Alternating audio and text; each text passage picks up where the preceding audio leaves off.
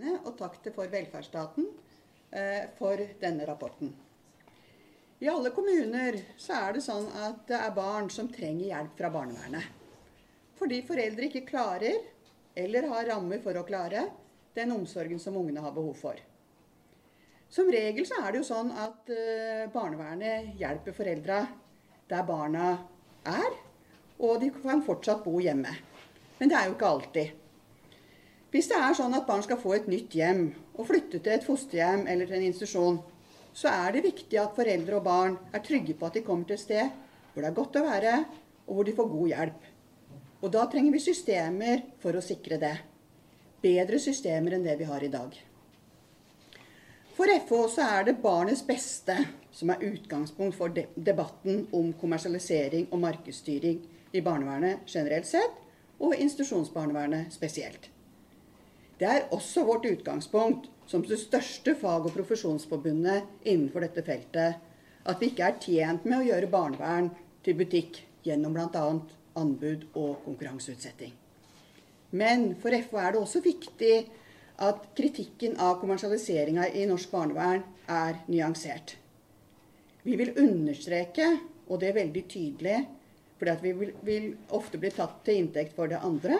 Og det er at det ikke er belegg for å hevde at de kommersielle barnevernsaktørene leverer tjenester av dårligere kvalitet enn de ideelle og de offentlige.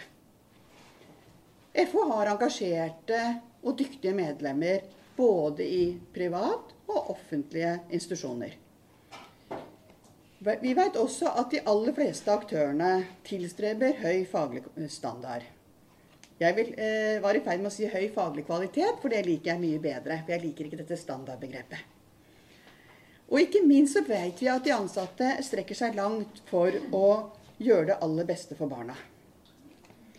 Og vi mener ikke, som mange anklager oss for, at kommersielle aktører leverer annenklasses tjenester. Når det offentlige bruker penger på barnevern, så vil vi at pengene skal gå til gode tiltak som hjelper barn og foreldre. Vi vil ikke at noen skal tjene seg rike på fellesskapets midler. Vi vil også at de som jobber i de kommersielle tjenestene, og som hver dag gjør en god jobb, skal ha de beste lønns- og arbeidsvilkår. Det er derfor viktig å sette fokus på de utfordringene kommersialiseringa av barnevernet fører til. Disse utfordringene syns jeg Katrine har fått godt fram i rapporten 'Barnevern i markedsliberalismens tidsalder'. For FH så er det viktig å få gode systemer. Eh, og gode rammer for de tiltakene som skal hjelpe barn, foreldre og familier i barnevernet. Vi opplever ikke at dagens system fungerer godt nok. Det må være andre måter å gjøre dette på. Andre måter å sikre fagutvikling og samarbeid på tvers av de som jobber med hjelpetiltak, og de som jobber i barnevernsinstitusjoner. Vi opplever at fagutvikling i feltet stagnerer fordi god fagutvikling blir konkurransefortrinn. Dette gagner ikke barna, ikke foreldrene, ikke ansatte og heller ikke den nødvendige videreutviklinga av et bedre barnevern. Asbjørn i For ideelt, eh, ideelt barnevernforum, vi har jo snakka mange ganger om gamle dager. Og I gamle dager var det sånn at det offentlige drev barnevernet, fylkeskommunen, og så var det et nært eh, samspill med ideelle organisasjoner. Et godt samspill og en felles innsats. Og det er drømmen min, ikke bare om fortida, men også om framtida. Vi mener derfor at eh, vi skal få et bedre barnevern, så skal vi ikke drive med konkurranseutsetting og anbud. Vi må ha andre måter å finne tiltak som hjelper barn på, og foreldre på andre måter å finne nye hjem til barn og ungdom. Det er på tide å anerkjenne at barnevernstjenester ikke er som hvilken som helst vare. Det er ikke kiosk, dette. Barnevern er faktisk svært dårlig egnet for markedsstyring og anbudskonkurranser. Det finnes ingen gode, allment aksepterte kriterier for definering og måling av kvalitet i tjenestene. Det finnes også dessverre lite forskning på hva slags type tiltak som faktisk gir best kvalitet. Barna i barnevernet, det de trenger, er kontinuitet, stabilitet og trygge voksne med god fagkompetanse. At anbudskonkurransene i institusjonsbarnevernet stort sett er organisert med Fire pluss ett år pluss ett år gjør det vanskelig å drive fag, kompetanse og kvalitetsutvikling. I de fleste konkurranser har offentlige myndigheter laget beskrivelse av hvilken kvalitet de ønsker. I praksis så må jo alle da tilfredsstille disse kvalitetskravene for å delta. Dette resulterer i at de fleste tilbydere leverer anbud med relativt lik kvalitet. Og da blir det én ting som gjelder og spiller inn og avgjør, og det er pris. Herunder lønns-, arbeids- og pensjonsvilkår. Det er det som avgjør konkurransen. Når vinneren av konkurransen ofte har lav, eller i hvert fall lavest pris, så gir det lite rom for ytterligere kvalitetsutvikling. Det er i tillegg vanskelig å bygge og vedlikeholde gode fagmiljøer når institusjonene med jevne mellomrom må konkurrere om nye anbud. For vi som har vært med på å bygge institusjoner, veit at det tar ikke fire pluss ett pluss ett år å bygge og stabilisere en institusjon. Så selv om alle som deltar i anbudskonkurranser skal ha godkjenning av Bufetat, er vi svært bekymra for at det er pris som ofte blir den avgjørende faktoren i anbudsprosessene. Selv om det i barnevernet først og fremst er institusjonsbarnevernet som er kommersialisert, er det mange kommuner som også baserer seg på å kjøpe hjelpetiltak fra private, eller har hatt private konsulenter som har jobba med saksbehandling. Det siste har det vært mye kritikk mot, og det har vært stilt spørsmålstegn ved lovligheten, men det skal jeg si litt mer om etterpå. Én ting er anbud og konkurranseutsetting i regi av Bufetat. Noe annet er det når kommunene selv skal kjøre anbudsrunder. Det tar tid og ressurser å sikre gode anbudskonkurranser, hvis vi kan snakke om gode anbudskonkurranser. Ikke minst så kreves det en helt spesifikk kompetanse.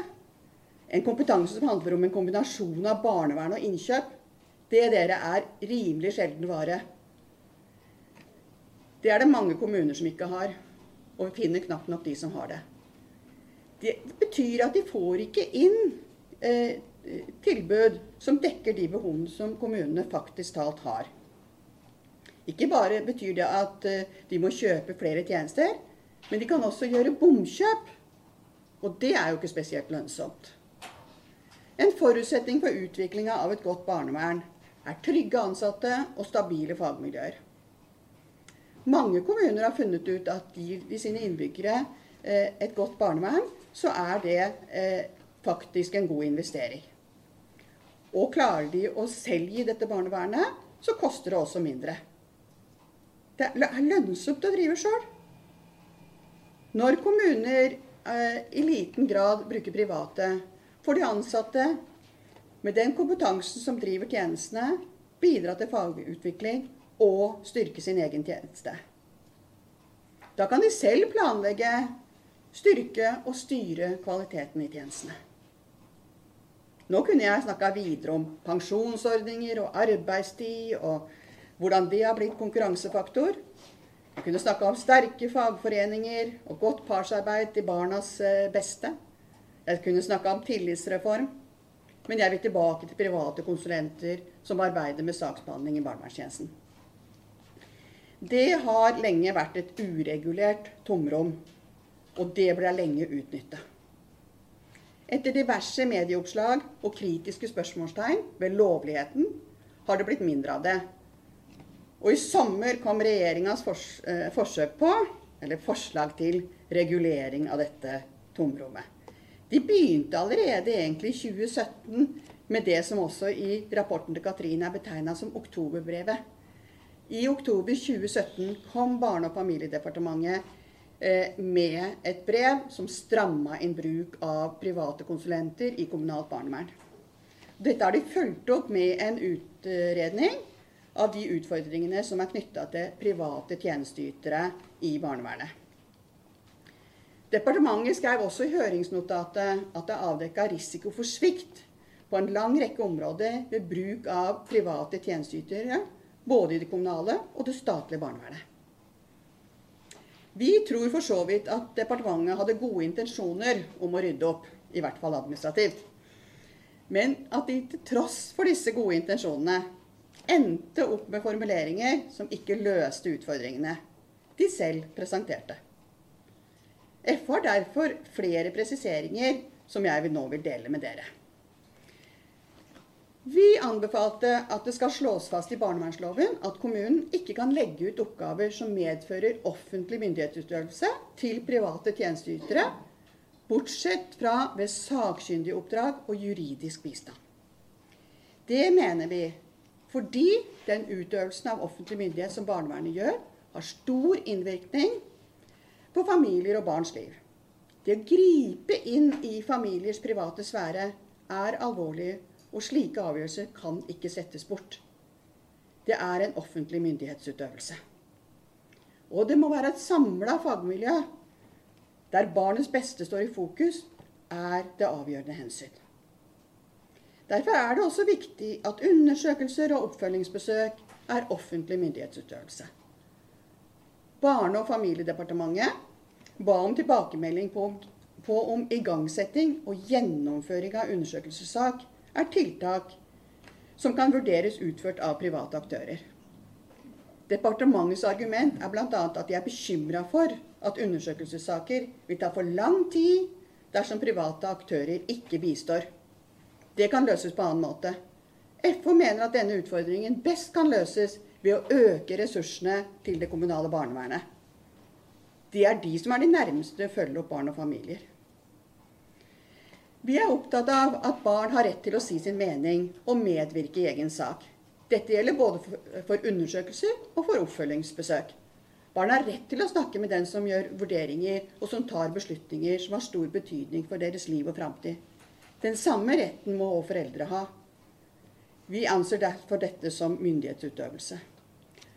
Barn og unge i barnevernet er tydelige på at de ønsker å snakke med de som bestemmer over livene deres. Undersøkelsen er det faglige grunnlaget for bl.a. den alvorligste myndighetsutøvelsen barnevernet kan iverksette. På bakgrunn av dette mener FO at en undersøkelsessak i høyeste grad er myndighetsutøvelse. En annen grunn til at dette også må regnes som myndighetsutøvelse, er at en undersøkelse også kan gjennomføres mot foreldres vilje, og at barnevernet har rett til å snakke alene med barn uten foreldres samtykke. Også oppfølgingsbesøk mener vi er myndighetsutøvelse. Fosterhjem og institusjon er omsorgstiltak som i hovedsak pålegges foreldre og barn, og som gjennomføres gjennom en tvangsavgjørelse.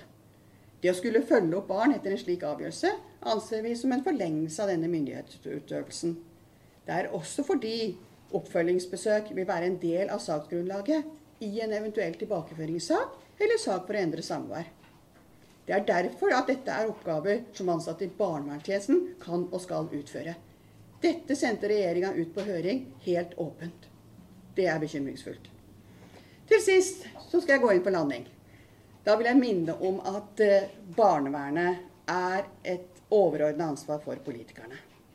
Det er de som kan sikre kvaliteten på barnevernet. Selvfølgelig skal vi fylle det med innhold, men hvor god hjelpa fra barnevernet er, er det politikerne som er med på å bestemme. Gjennom på den ene sida lover og regler, men også gjennom kroner og øre. Politikerne kan prioritere barnevern, slik at de barna som trenger det aller mest, får den hjelpen de og familien har behov for. Vi har faktisk det barnevernet politikerne Vi får faktisk det barnevernet politikerne er villige til å, betale for. Da skal vi fylle det med innhold. Men vi får også det barnevernet politikerne er villige til å styre oss i retning av.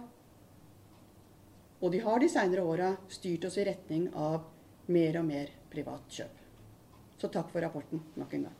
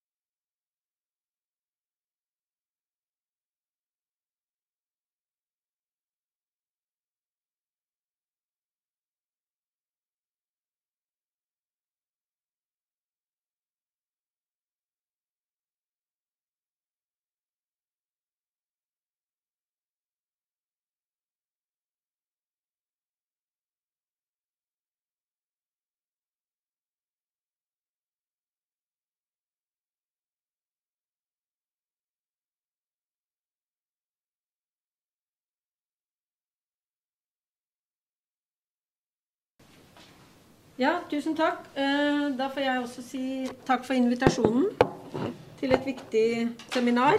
Eh, mitt ståsted er jo litt annerledes enn de innleggene som har vært til nå. Eh, så det håper jeg dere har med dere. Men jeg, det er jo mye som toucher. Jeg har i lang tid forundra meg over at hver gang det sies noe om barnevernet, og særlig noe som er for dårlig, for det er jo ikke så rent sjelden, så sies det fra nær sagt alle steder at det er for lav kompetanse. Kompetansen må heves. Det er kompetansesvikt i barnevernet. Senest nå sier eh, Tore Nysæter at fagnivået er for dårlig. Ja Nei. Ja og nei. Altså, Vi må alltid ha fokus på kompetanse og kvalifisering. Men det er jo ikke det som er det store problemet når, eh, når det skjer ting som ikke er bra nok. Det er som om det har utvikla seg en slags form for moralsk panikk, syns jeg, hver gang det eh, er noe som ikke er akkurat som det skal være.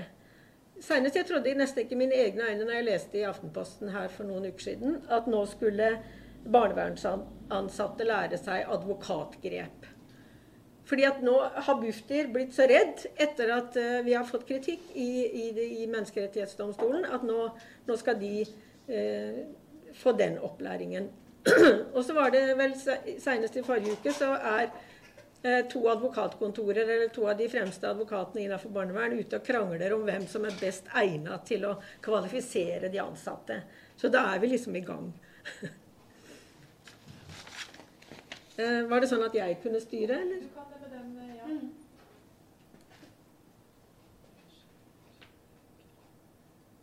Mm. Ok. Ja. Dette begrepet barnevern i ekspertisesamfunnet det har jeg lånt av eh, min kollega Nicole Hennum på Oslo OsloMet, som er veldig opptatt av det. Eh, og jeg er enig i at det, det er no, en måte å snakke om barnevernet på i dag. Eh, det, er måte, det er jo i tråd med at, å ha fokus på at kompetansen er for dårlig. Eh, og da har jeg lyst til å si at Vi snakker ikke så rent sjelden om barnevernet som om alle er enige om både måla og virkemidlene. For hvem kan vel være uenig i at vi i alle sammenhenger skal arbeide til barnets beste? Og Det første vi da må erkjenne, er at det slett ikke er enighet om hva som er barnets beste. I ulike sammenhenger eller i ulike kontekster. Det vi i dag betrakter som absolutt forbudt, var en del av barneoppdragelsen for bare noen tiår siden. Det er det viktig å huske på. Vi må ha med oss en historisk kontekst.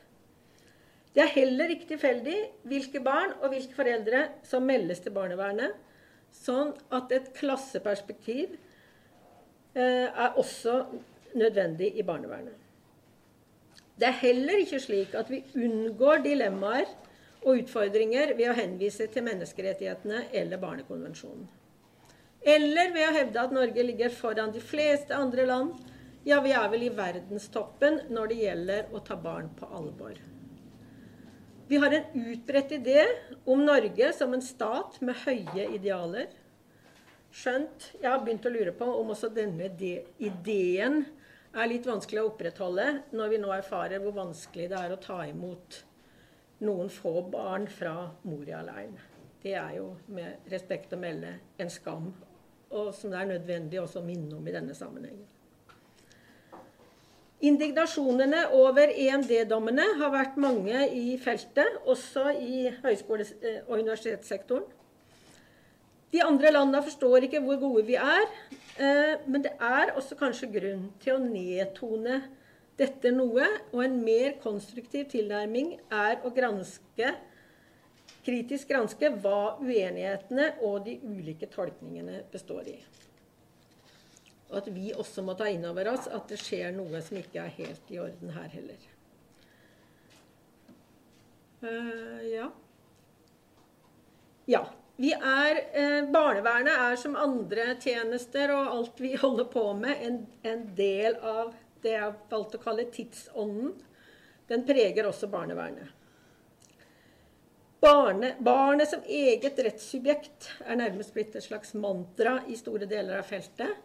Og misforstå meg rett, jeg er ikke imot at barn skal ha rettigheter, at vi skal sette barn i sentrum.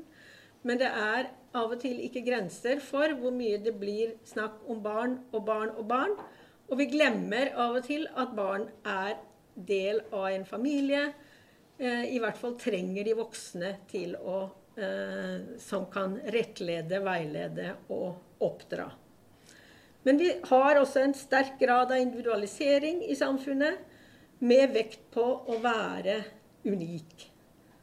Jeg har et lite barnebarn på tre år, og hun er godt i gang med alt dette. Det er helt fascinerende å følge den utviklingen. Det er mye snakk om at det er opp til deg. Vi skal delta i konkurransen om å få tilgang til samfunnets goder. Eh, og eh, det var vel kongen som for en, eh, noen år siden også sa at Märtha pleide å si 'What's in it for me?' Hvordan kan jeg som individ få mest mulig nytte av å engasjere meg i det ene eller det andre? Ganske ubevisst så tror jeg vi alle på mer eller mindre måte preges av en form for nyttemaksimering i dagliglivet. Og det er det viktig å ha med seg i dette eh, arbeidet. Ja, da kan vi se litt på eh, noe av denne tidsånden. Det preges jo av at vi på en måte skal ha et intensivt foreldreskap. Det å pludre, ha blikkontakt eh, med barn er jo ikke noe som er nytt. Men det understrekes i ekstrem grad. Det er samspill, dialog, stimulering. Og når Eh, vi treffer familier fra land hvor dette slett ikke er eh, det som er det alminnelige. Eh, tvert imot så er det vel slik at å møte blikket til noen som er i en autoritetsposisjon, er uhøflig. I noen kulturer så er vi nødt til å ha med oss det også når vi jobber i det feltet som vi gjør.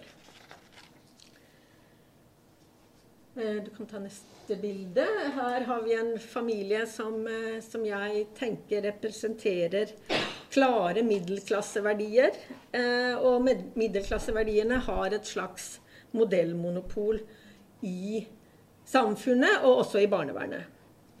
De materielle forutsetningene for foreldrepraksiser er lite framme i dagens eh, barnevern. Det er foreldreskapet som relasjonelt. Mor-barn, far-barn, foreldre-barn. Vekt på barnesentrering, tidsintensivt, emosjonelt intensivt, økonomisk intensivt. Refleksivitet eh, forventer vi også av foreldre. De måles jo på evnen til mentalisering jeg hørte en far som sa 'Jeg forstår ikke hva mentalisering betyr'. Det må jeg si at jeg også av og til har store problemer med. Og da er det ikke rart å forstå at det kan være vanskelig. Eh, men de måles altså på sitt foreldreskap, på hvorvidt de har eh, evne til mentalisering. Eh, så vi har et, på en måte et ekspertleda samfunn. Vi spør etter fagkunnskap. Vi kan bare tenke på dette nye faget i skolen, som de nå skal lære seg livsmestring på alle nivåer. Så har vi en annen familie her. Mor og far og syv barn. Det er også en del av det norske samfunnet og den norske eh, kulturen. Og så kan du ta det neste bildet, for det fikk jeg bare lyst til å vise. Dette er min gommo, min farmor. Eh, det er et bilde fra 1969. Eh, og jeg har ofte tenkt på at hun hadde en form for hijab. Jeg tror jeg så henne én gang uten skaute. Hun hadde også syv barn. Som denne andre familien. Så det er Altså Den historiske konteksten er det veldig viktig at vi har med oss, så vi ikke liksom bare kjører på med, med dette individualiserte og faglige ekspertisene som vi nå er så opptatt av. Ja, så jeg tenkte å gå videre og si noe om statens rolle i ekspertisesamfunnet. Jeg er nesten like opptatt av det som av markedet, selv om det også selvfølgelig det, De spiller på lag, dette her. Vi har jo på mange måter hatt en sosial investeringsstat, kan vi si. Eh, en satsing på offentlig finansiert barneomsorg, utdanning og livslang læring.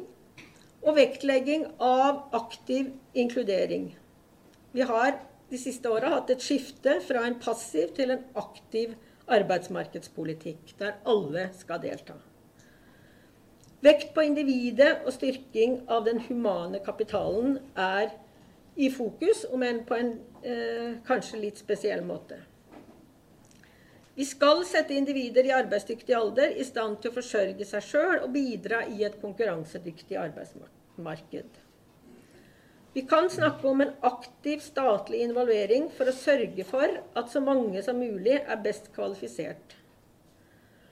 Og da spør jeg meg, er dette i kontrast til en ny liberalistisk tenkning, hvor statlig innblanding blir sett på som konkurransevridende og dermed til hinder for økonomisk framgang?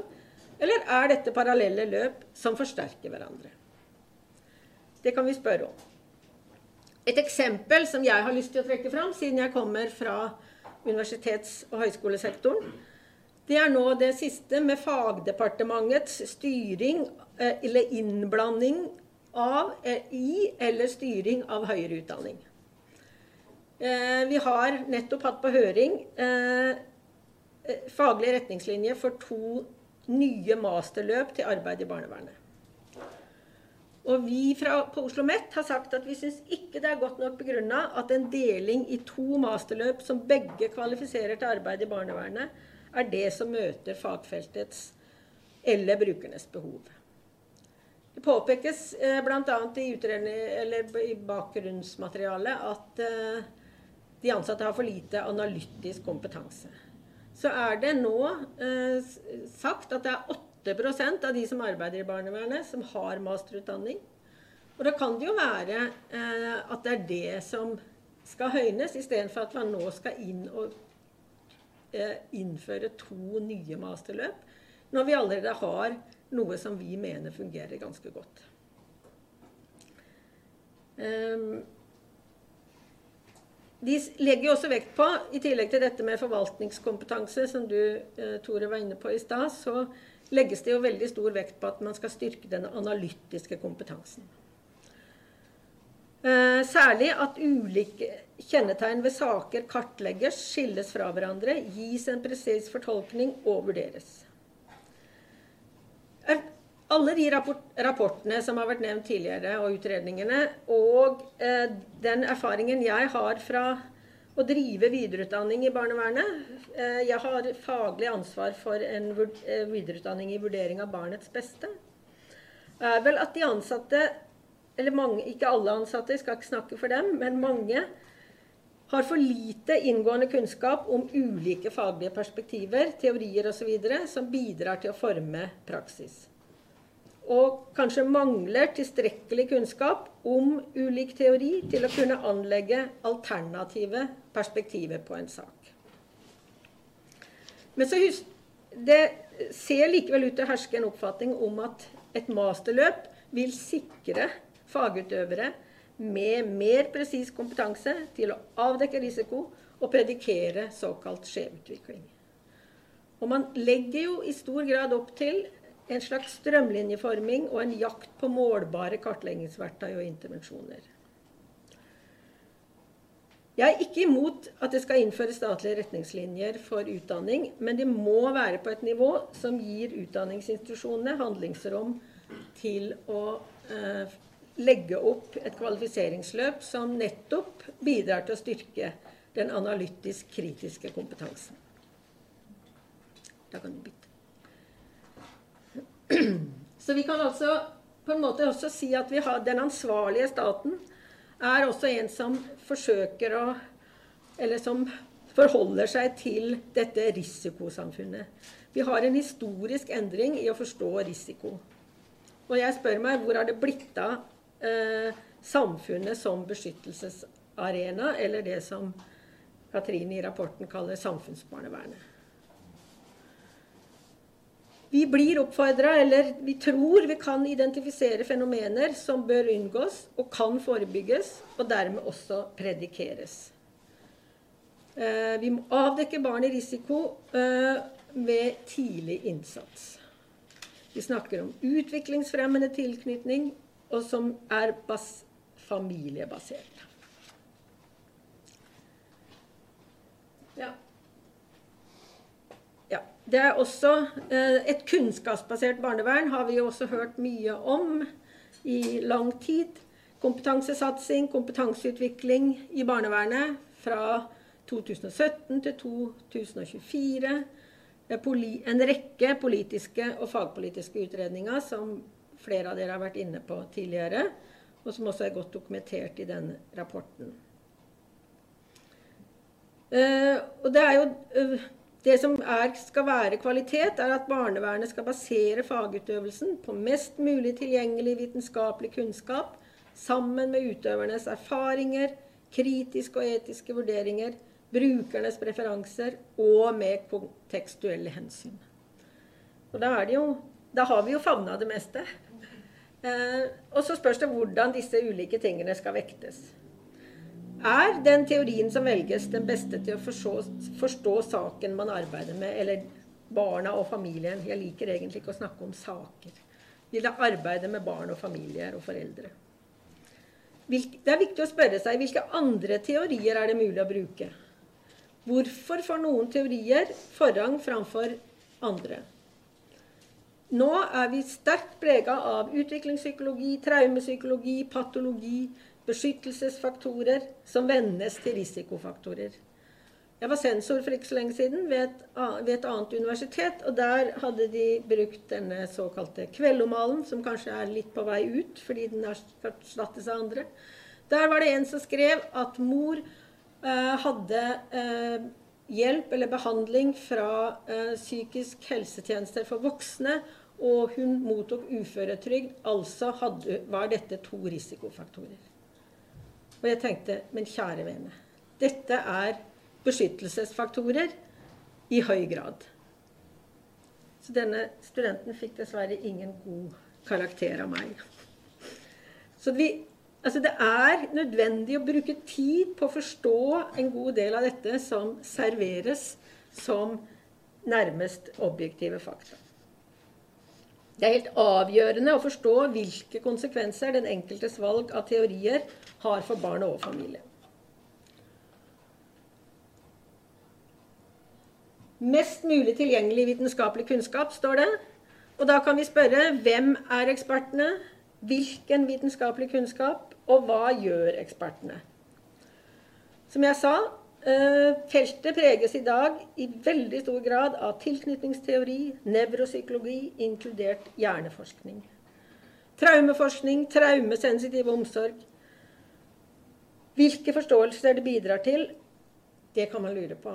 Eh, ikke så lenge siden jeg leste i avisen at man snakka om at det var en fare for at det kom en rekke med uregulerte barn og mennesker fra Moria-leiren. Og hva er det for slags snakk? Um, altså, vi er så prega Og det, det, er ikke det at, det er, at jeg sier at det er feil med disse teoriene her, nødvendigvis. Men det krever en, en høy grad av kompetanse. Og de har fått så stor innflytelse i barnevernet, hvor vi trenger et mye mer sammensatt kunnskapsgrunnlag, og hvor vi trenger å arbeide med å hjelpe folk i å mestre, håndtere, eh, organisere dagliglivet.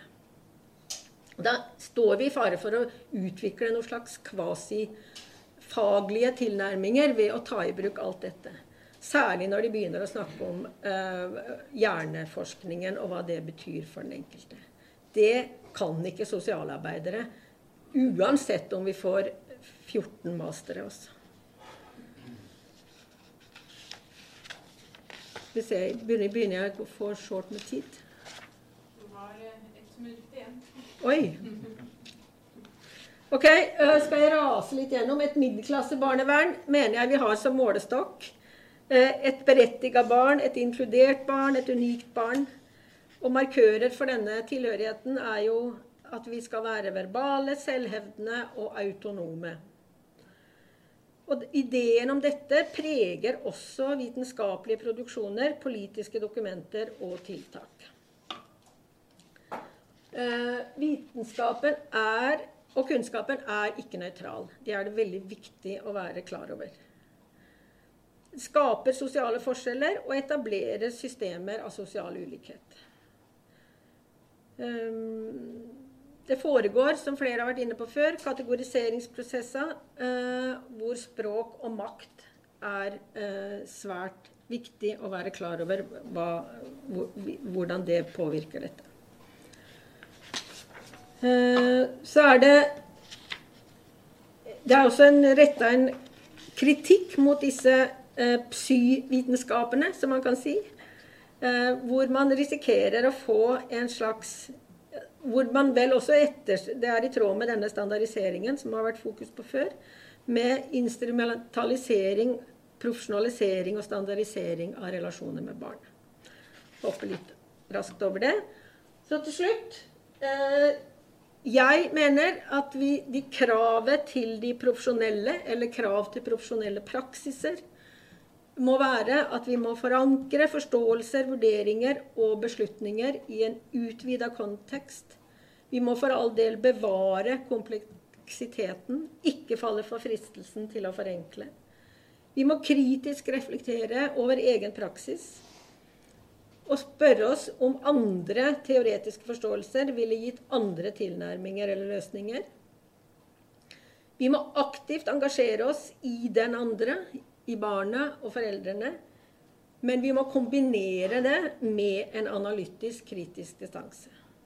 Slik at vi skjønner hva vi holder på med. Og vi må erkjenne ansvar for det vi har innflytelse over. Egne handlinger, om egne handlinger er i samsvar med faglig kunnskap, juridiske rammer og yrkesetiske forpliktelser. Takk.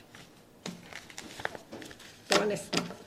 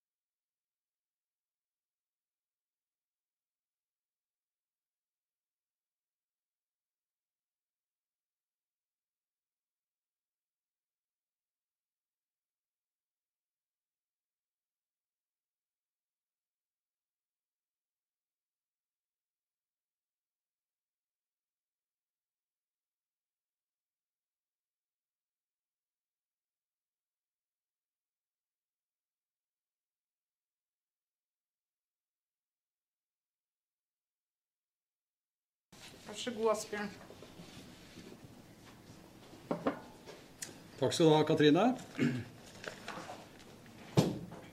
Ja, jeg har også flere hatter. Jeg Kan komme litt tilbake til det. Det er fint å komme etter eh, Thomas, syns jeg. Fordi på en måte så har Thomas sagt det som har vært å sies, egentlig. Eh, Men jeg tror jeg skal, kanskje skal bygge litt opp under eh, noe av det han har sagt fra Landsforeningens side. Men jeg har lyst til å begynne å, først å takke for uh, initiativet. For det er viktig.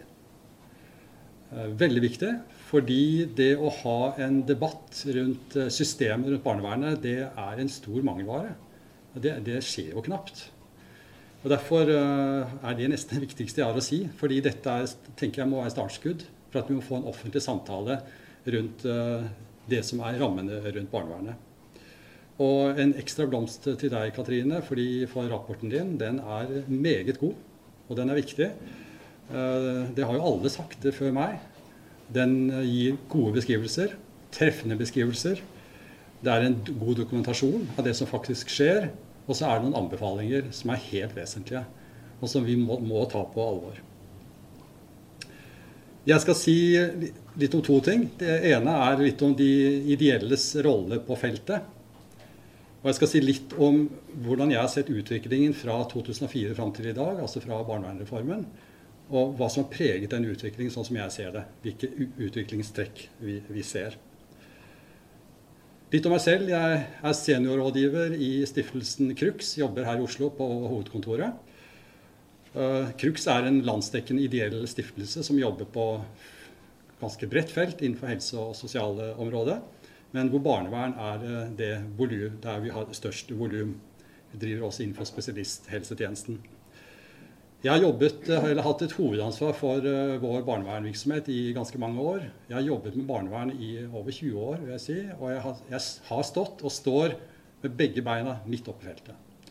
Så jeg har fulgt utviklingen og har fulgt den tett. Og har vært spesielt opptatt av det mer overordnede perspektivet. Hvor går veien, og, hva, og hvor er utfordringene? Og som en grunn, som en konsekvens av det, så var jeg også med i 2009 å etablere det som i dag heter Ideelt barnevernsforum. Og som er et uh, nasjonalt nettverk for alle ideelle aktører på feltet. Ja, alle sammen som har avtale med det offentlige. Og Ideelt barnevernsforum, eller IB som vi kaller oss uh, da, ble etablert som en direkte konsekvens av det som er en del av dagens tema, nemlig anbudsinnføring i barnevernet. Eh, Det er faktisk tilfellet. Og det var 2009. Innføringen skjedde fra 2005-2006. Og 2009 sa vi nå må vi gjøre noe. Vi må gå sammen, for dette her bærer helt galt av sted. Så jeg sitter i arbeidsutvalget for Ideelt eh, barnevernsforum, som er bare en liten gruppe som gjør dette ved siden av jobbene våre. Vi har ikke noe sekretariat. Vi, men en gang i året så samles vi. Da har vi en såkalt IB-konferanse, hvor vi eh, inviterer alle medlemmene, og også sentrale aktører på feltet, hvor vi diskuterer fag og politikk. Vi har i de siste årene utviklet et veldig spennende samarbeid med nettopp Landsforeningen og FO og Fagforbundet. Og Det tenker vi er viktig, for vi må tenke strategisk. Vi må ha noen strategiske allianser å jobbe sammen om.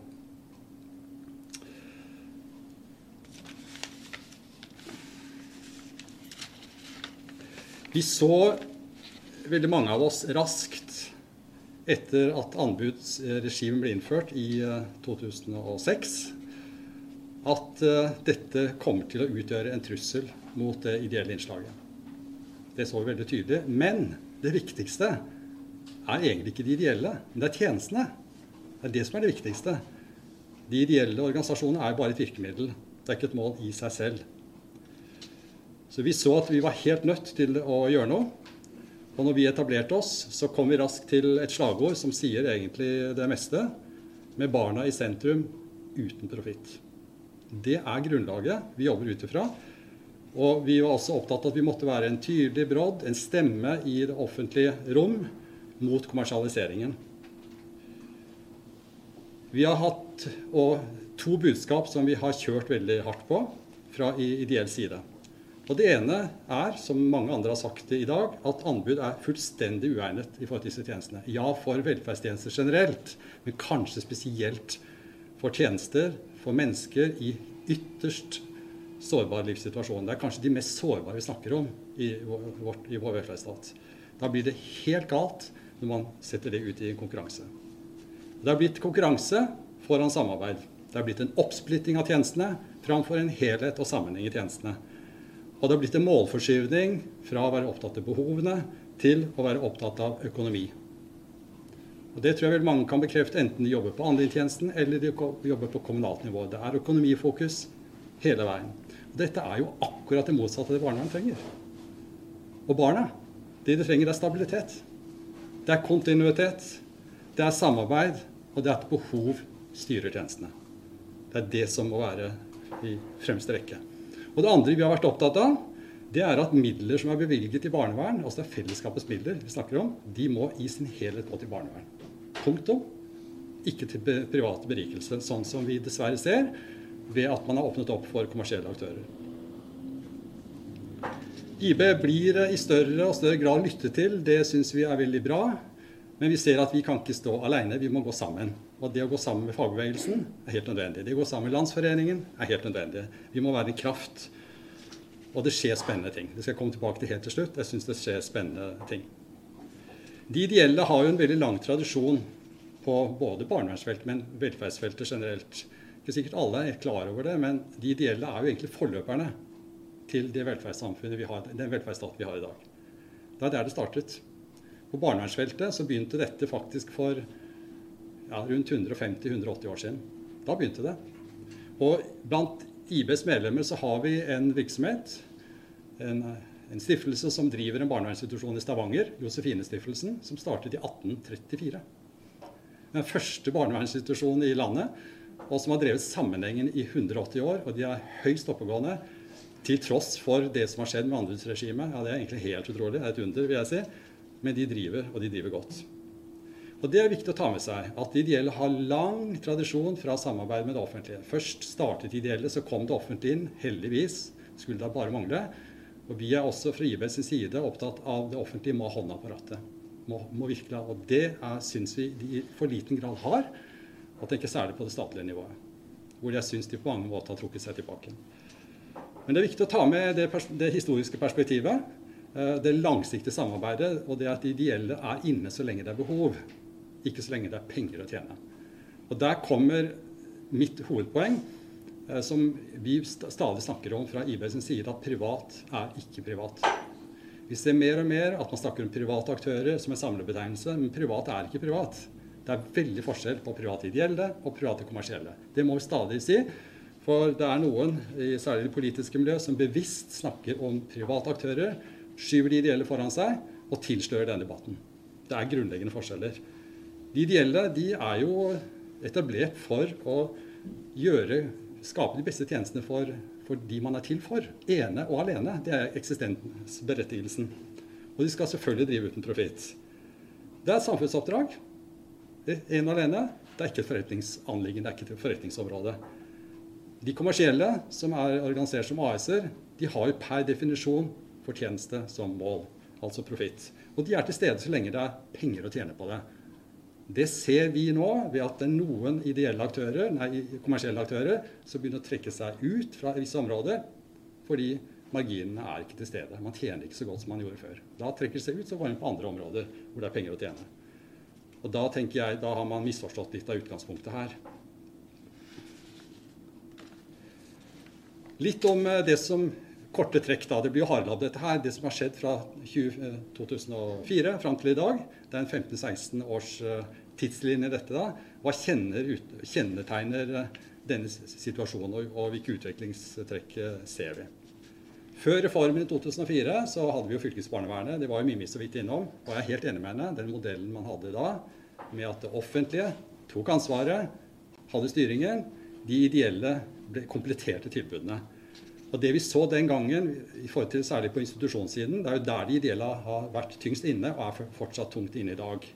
Eh, og også litt på fosterhjem, men vesentlig på institusjonen.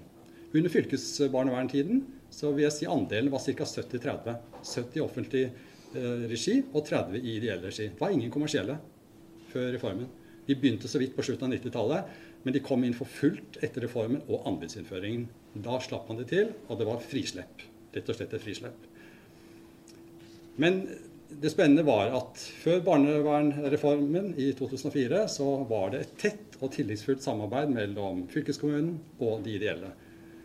Vi snakker stadig om den, at man satt rundt samme bord og skreddersydde de beste løsningene for barna. Det var behovene som, som var styrende, ikke økonomien. Det er en modell som jeg tenker jeg gjerne vil gå tilbake til, sånn som også Mimi eh, var inne, inne på. Og de ideelle hadde langsiktige driftsavtaler med fylkeskommunene, eh, som da hadde en lang tidshorisont, og hvor man hadde felles mål og fokus. Utgangspunktet var behovene. Så var det bruddet med reformen. Bufetat ble etablert. Du fikk tjenestenivå eh, på, på statlig nivå. Vi så veldig raskt at ting endret seg fra tillitsfullt samarbeid til mer forretningsmessig samarbeid. Vi så også at avstanden fra tjenestene og ut til myndighetene ble lengre og lengre. Og vi så at byråkratiet begynte å, å, vokse.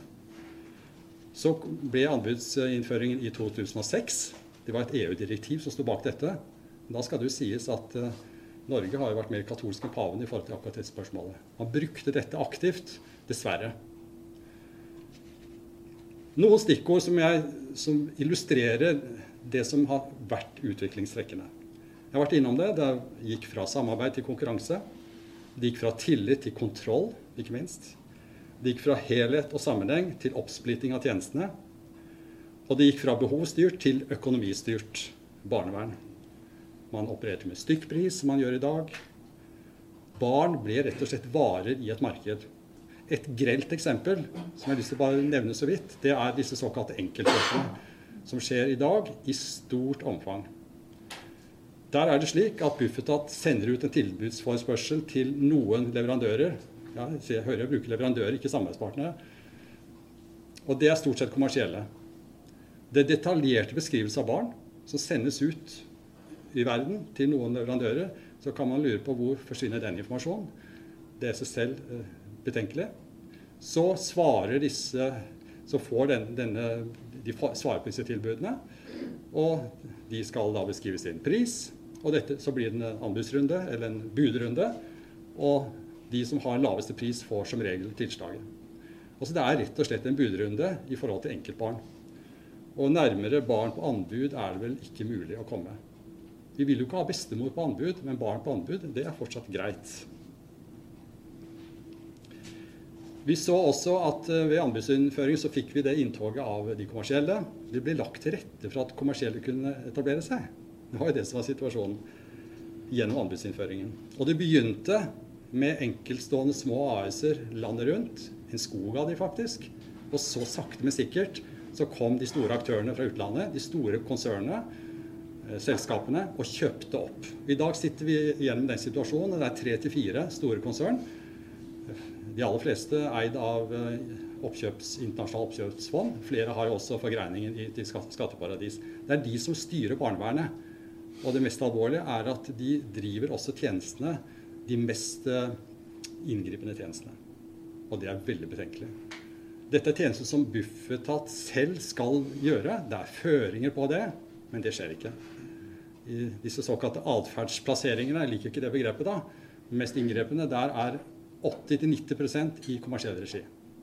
Det skulle vært 100% i statlig regi, ifølge føringer. Det skjer ikke. Dette er veldig alvorlig. Så det som er situasjonen egentlig, det er at kapitalen gjennom disse to selskapene styrer barnevernet i Norge. Staten trekker seg tilbake. Og ikke minst det politiske nivået. Politisk ledelse har abdisert fullstendig. Jeg mener De har gjort det lenge, og de gjør det i dag. Og Det er også alvorlig, fordi barnevernet er underlagt direkte politisk styring, siden vi har en forvaltningsmodell. Og oppsummert hva nå?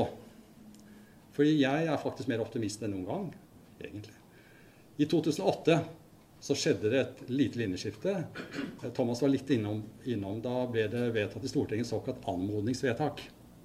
Som da eh, innebærer at Stortinget ber regjeringen sørge for at den, den ideelle andelen av barnevernsinstitusjonstjenestene skal økes til 40 I dag er andelen 25% ideelt, 35% kommersielt og 40 statlig. Så husker vi fylkesbarnevernetiden. 70% offentlig, 30% ideelt. Det var, det var datiden.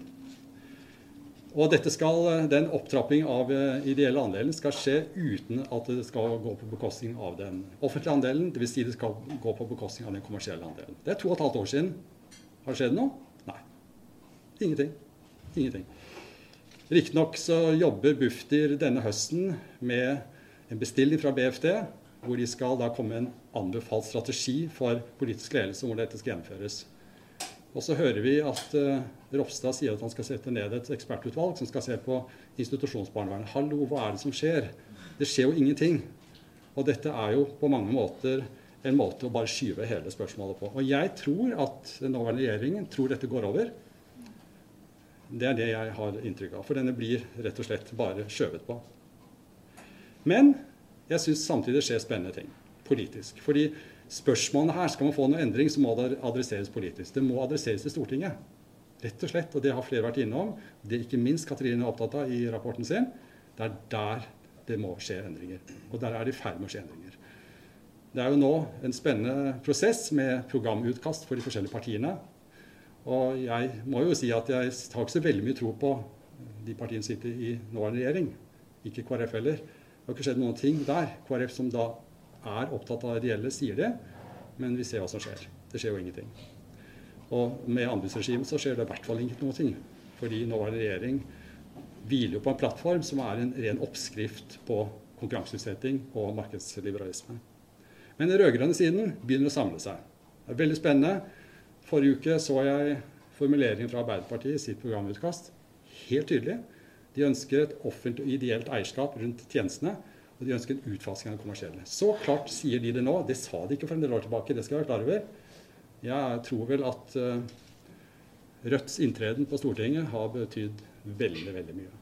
Det er ingen tvil om. Men det viktigste er at det skjer nå. Og jeg er veldig glad for det som skjer hos Arbeiderpartiet. Jeg vet det skjer spennende ting i Senterpartiet. Nå sitter jo Aisha her, så jeg snakker litt med henne. Så jeg håper det kommer gode formuleringer også fra Senterpartiet.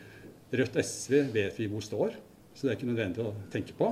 Så her er det i ferd med å bli jobbet fram formuleringer som eh, er veldig interessante, og som kan føre til endringer.